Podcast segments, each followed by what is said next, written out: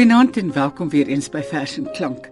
Ek het vir Juanita Swanepoel gevra om vanaand ons verse te lees en ek het begin om te dink ons is al twee beleë dames en uh, miskien moet ons verse lees oor beleë liefde. Welkom Nita. Baie dankie Margo. oor beleë liefde. Absoluut. En en natuurlik is die eerste gedigte waaraan 'n mens dan dink, is TT Kloete, maar soos ek nou begin soek het, het dit toe anders uitgewerk.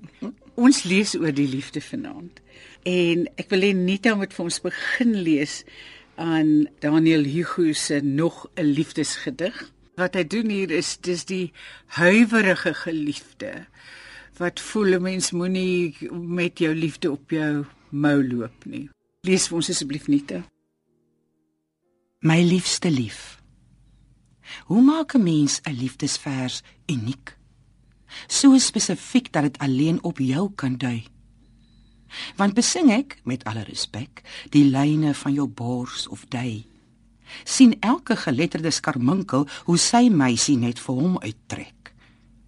En sê ek dat jy blond is soos kers was is daar 'n paar miljoen vroue wat perfek by die beskrywing pas. 'n Gedig is skaars 'n foto of skildery. Verstaan jy nou dat ek liewer stil bly? En kyk, 'n verliefde digter wat swyg.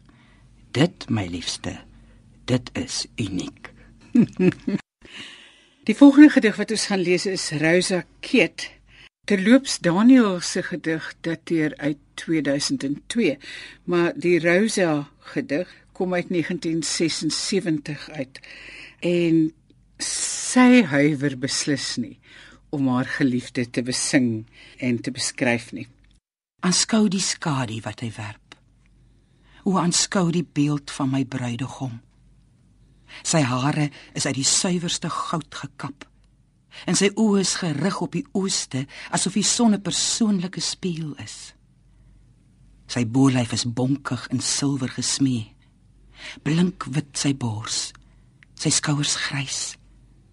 Tot waar hy vurk, is hy van dowwe brons. Glansend geel sy volle heup.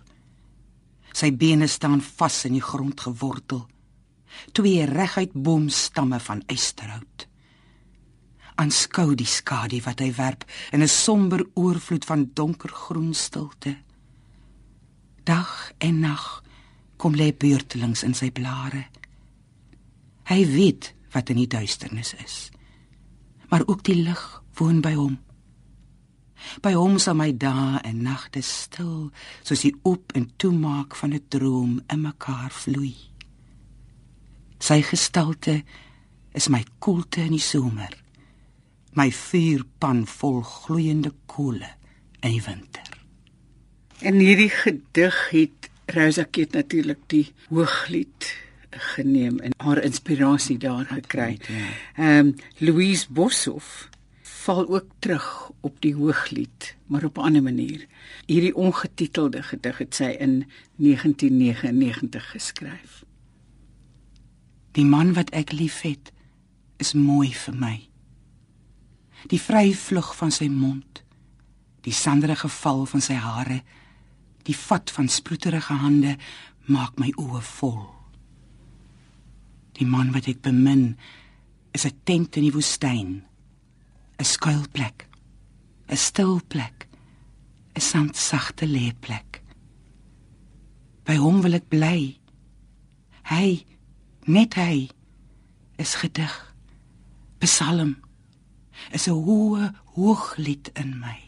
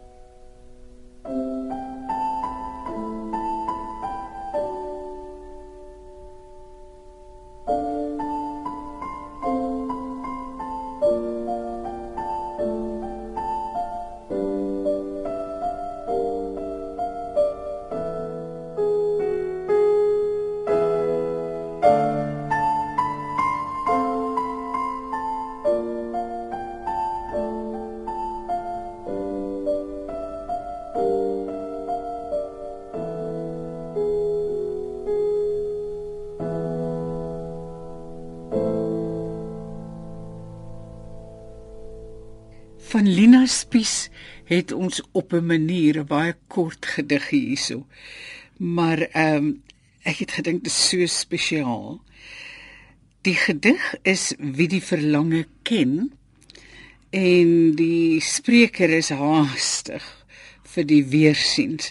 Hier staan 'n aanhaling uit Emily Dickinson wat sê if you were coming in the fall sou jy wanneer dit herfs is kom veeetjie somer weg soos 'n huisvrou half glimlaggend 'n vlieg se lot besleg. en daarvandaan af gaan ons na 'n gedig van Johan de Lange toe wat sy liefde wil uitbasyn. Dit kom uit 'n reeks verse van hom uit wat hy noem Tweeling. En dit is die 4de een hierdie. Kom ons luister. En as jy my huis is, my skemerende tuin. As ek 'n boom is en jy alleen my reën. Laat my bloeisels nooit verdor nie. En lê my vrugte op jou tafel in die son van my verlore dae. Vul my stilte met jou klein hoewe. Laat my buig oor die gesneuwelde wind, gee terug my gesig in jou ruite. Ek wil my vreugde skryf teen die lug sodat almal kan lees dat ek jou liefhet in die skadu van slapende kogelmannes. Kom ons luister nou na Thomas Deakins is so verby. Dien so verby se kammetjies berg het jou loslid lyf my hart geterg. Soos die kogelgeit teen die swart kliprand as die rooi gat son op die sandpad brand. Hoe het my hart na jou lyf gevry teen die kammetjies rand by so verby soos die koggelgeit na die Boesmanland, soos die rooi gat son na die Swartbergrand. Ten so verby se kammetjies rand, het jou hart kamalilies in my lyf beland, soos die koggelson in die Kamberg sink, soos die raasgat geit deur die klipskeur hink. Ons gaan na Pieter Smit toe nou. Die gedig se titel is om stil te word. En dit is van iemand wat baie swaar kry na 'n geliefde begin wegdraai om watter rede ook al siekte, depressie en die spreker half uitgesluit is. Kom ons lees dit. Jy het stil geword. Jy lag nie meer nie. Jou woorde is ver en alleen, asof jy in gedagte oor ou voetpaadjies loop. Ek wens ek kon gister se sonskyn weer om jou vou. Ek wens ek kon jou sommer net vashou tot jy soos 'n kindjie warm en gelukkig word. Ek wens ek kon 'n kraaltjie om jou bou om jou van ver en leë paadjies weg te hou. Maar ek wil liewer saam met jou gaan stap oor jou voetpaadjies sodat jy my kan wys wat jy in die leë nessies sien wat bly vassteek in jou oë saam met jou kyk hoe die geel vinke oor die water swaai. Saam met jou tot waar nuwe voetpaadjies eers na mekaar toe draai.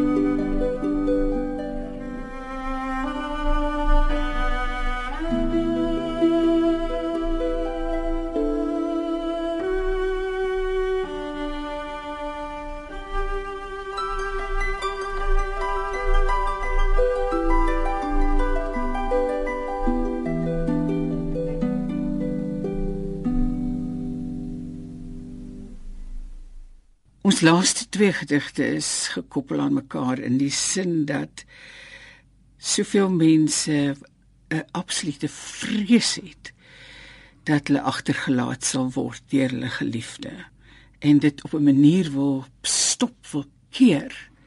En dan is dit natuurlik so dat met baie gebeur dit wel.